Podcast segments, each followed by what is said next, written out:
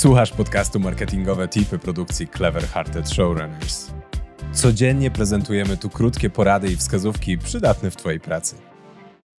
Ten odcinek poprowadzi Michał Kasprzyk, producent podcastów w Clever Hearted Showrunners. Cześć. Tematem dzisiejszego odcinka będzie storytelling w działaniach marketingowych.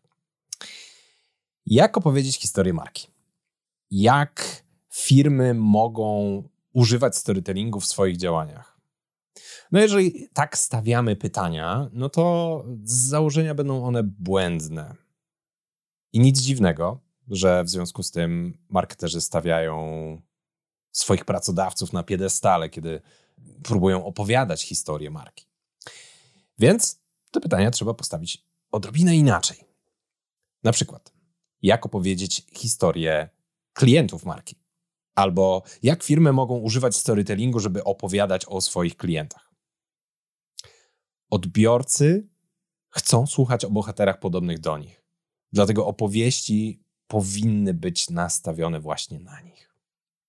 A kim w takim razie powinna być marka w takim przekazie, w takiej opowieści?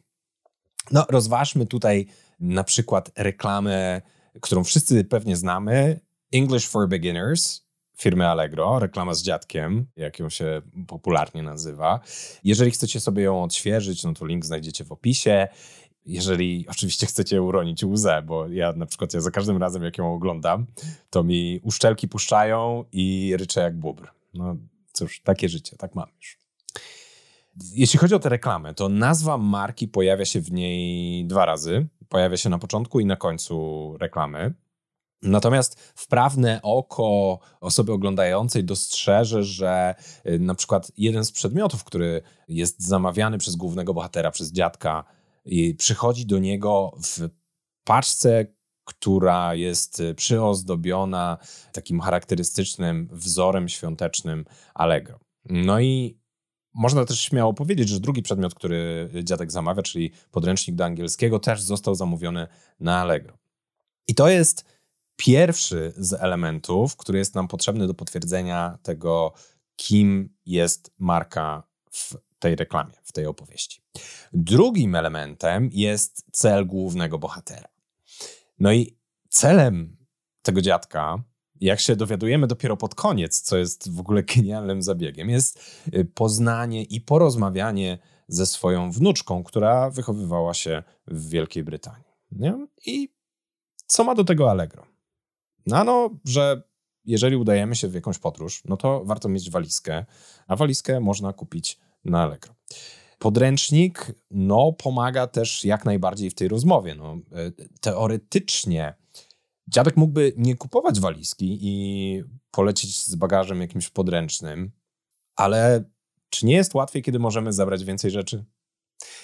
A z tym podręcznikiem do angielskiego, no to teoretycznie mógłby użyć syna jako tłumacza, ale kurczę, no doświadczenie bezpośredniej rozmowy z własną wnuczką no musi być niesamowite. I nie da się go tak jeden do jednego zastąpić rozmową przez pośrednika, przez syna. Więc tak jest znacznie lepiej, znacznie łatwiej. I wniosek z tego jest taki, że Allegro, dając możliwość kupowania tych przedmiotów, jest pewnym pomagaczem, jest mentorem, jeżeli byśmy weszli w nomenklaturę już taką czysto storytellingową. Jest kimś takim jak Obi-Wan czy Yoda dla Luka Skywalkera, albo jak Morfeusz dla Neo. Więc jeśli chcecie opowiadać historię swojej marki, to pokażcie, jak pomagacie swoim klientom to jest bezcenne. Dzięki wielkie i zapraszam na stronę marketingowe tipy, gdzie znajdziecie inne odcinki podcastu, ale też parę innych rzeczy, które tworzymy dla marketerów. Do usłyszenia następnym razem. Dzięki za wysłuchanie dzisiejszego odcinka.